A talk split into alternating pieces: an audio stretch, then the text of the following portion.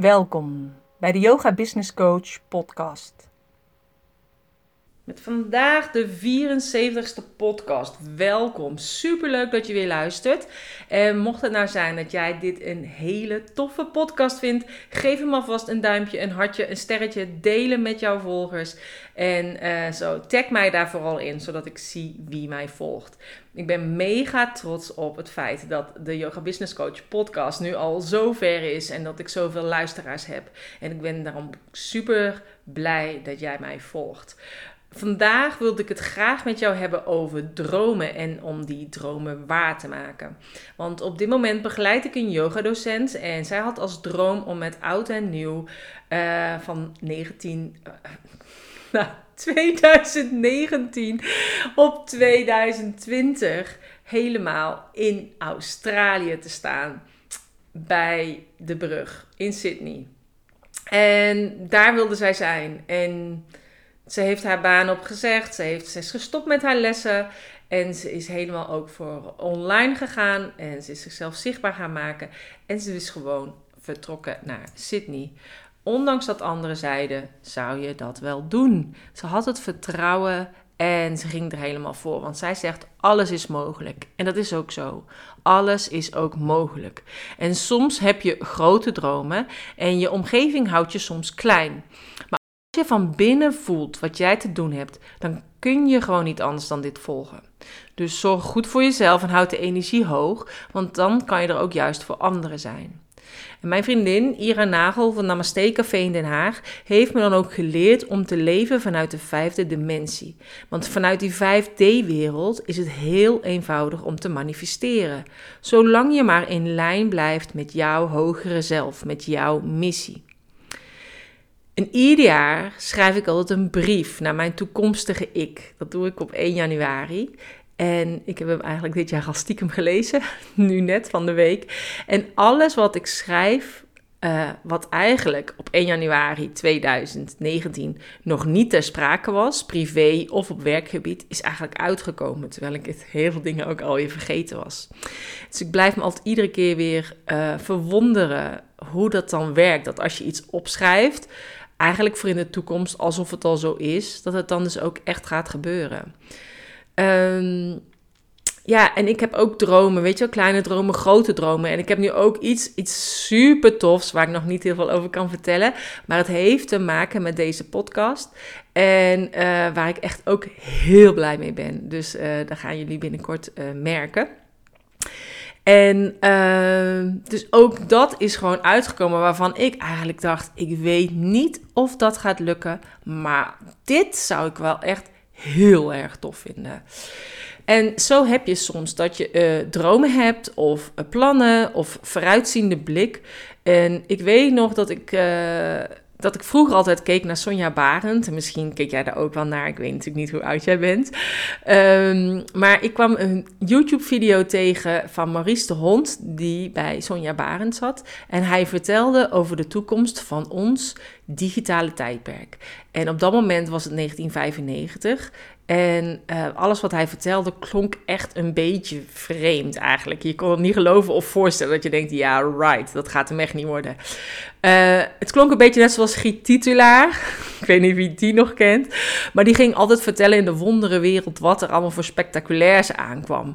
Hè, in de mobiele communicatie of op het gebied van computers. En eerst was er een autotelefoon en nu had je zelfs een telefoon op zak. Of kon je tegen de computer praten en zag je een agenda op zo'n Commander computer. Nou ja, echt ongelooflijk.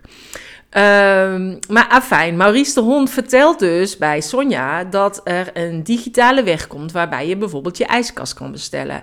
Je kunt je huis inrichten vanaf je beeldscherm, zodat het al lijkt alsof dat bankstel wat je hebt uitgezocht al in jouw woonkamer staat. Nou ja, zoiets heeft IKEA natuurlijk nu als app. Maar ook uh, dat je spullen kunt bestellen, vanuit Hongkong, omdat het daar goedkoper is. Dat je voor een goedkopere vergelijkingspagina kan zien waar je voordeliger iets kunt kopen.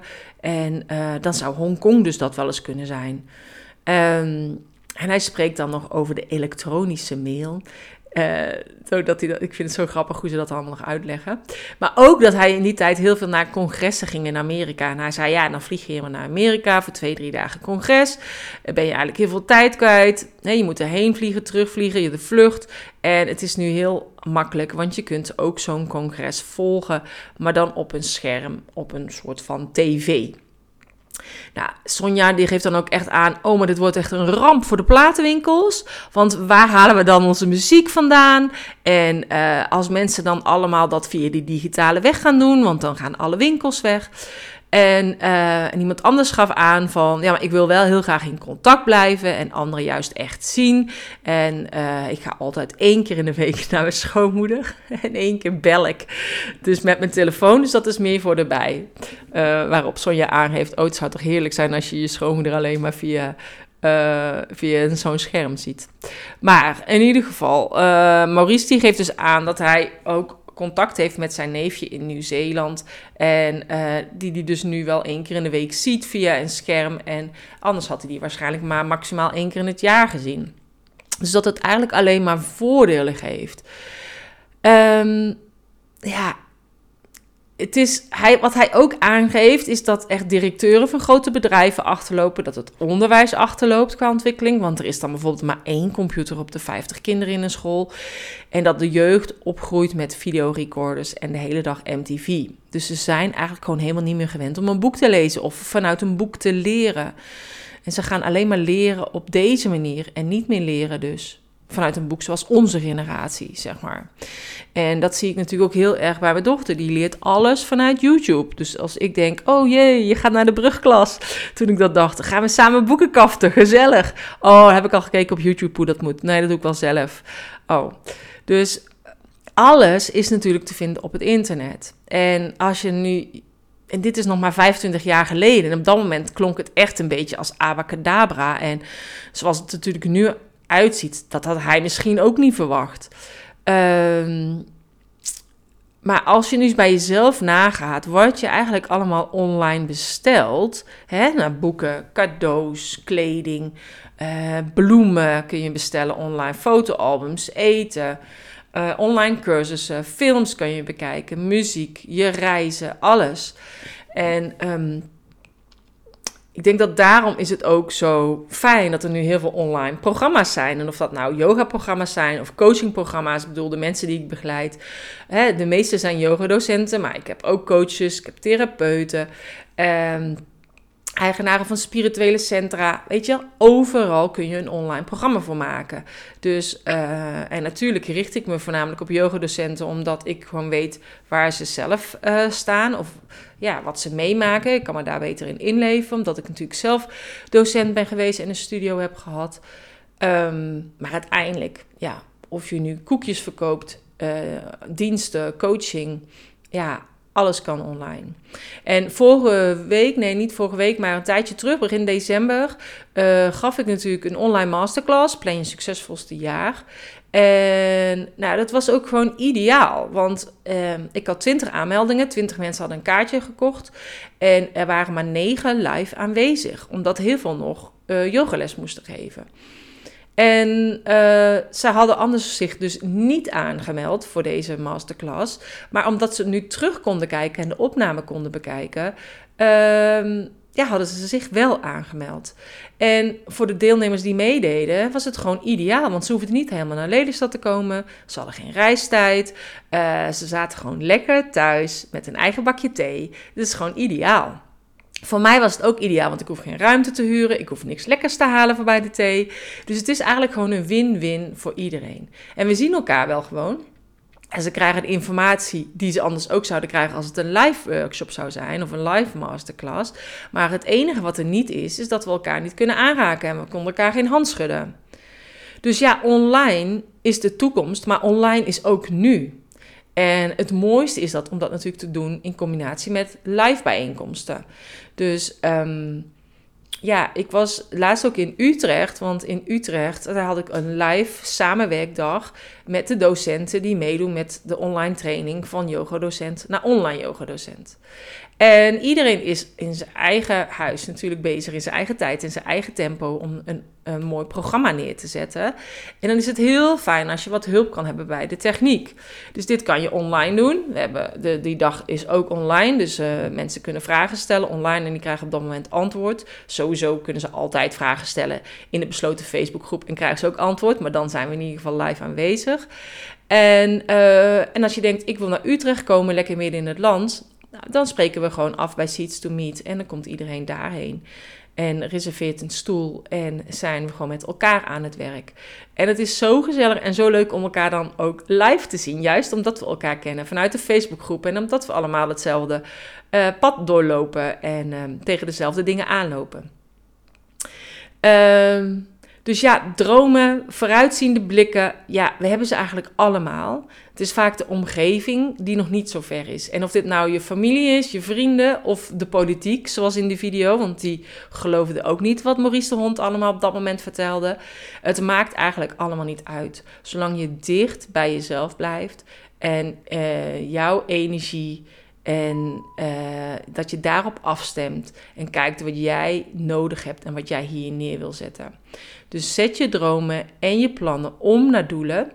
En denk groots en laat je vooral niet tegenhouden. Echt door niemand. En mocht het zijn als jij nou denkt: oké, ik wil graag ook mijn dromen omzetten in plannen en in doelen. Uh, en je kon er niet bij zijn bij die masterclass begin december. Ga ik me nog één keer geven op 31 januari. Dus dan kan je je daar nog voor aanmelden. En meer informatie zal ik even op de show notes pagina zetten van www.deyogabusinesscoach.nl slash 74. Zodat je je nog kunt aanmelden voor de combi-deal. Zodat ook jij je plannen helder kunt maken voor 2020. En mocht het nou zijn dat jij al heel lang met het idee rondloopt om een online programma te willen gaan maken in 2020. En of dat nou een yoga-programma is, of een coachingprogramma, of een combinatie, of iets anders. Uh, mail mij dan ook, zodat je nog uh, gebruik kunt maken van de oude prijs van 2019. Dus als je daar interesse hebt, uh, kun je me ook een mailtje sturen naar info@deyogabusinesscoach.nl. Maar zal ik ook even op de show notes pagina zetten www.deyogabusinesscoach.nl/74. Nou, bedankt voor het luisteren. En uh, laat je vooral niet tegenhouden door je omgeving. En blijf bij jezelf. Blijf afgestemd op jezelf en ga voor je doel. En als je dit een fijne podcast vond, deel hem dan vooral. En uh, maak ook jouw wensen en dromen waar voor 2020. En uh, kijk wie of wat je daarbij nodig hebt. En als ik degene ben die jou daarbij kan helpen, dan doe ik het graag. Dus stuur me dan vooral een mail. Pas goed op jezelf en uh, graag tot de volgende podcast. Namaste.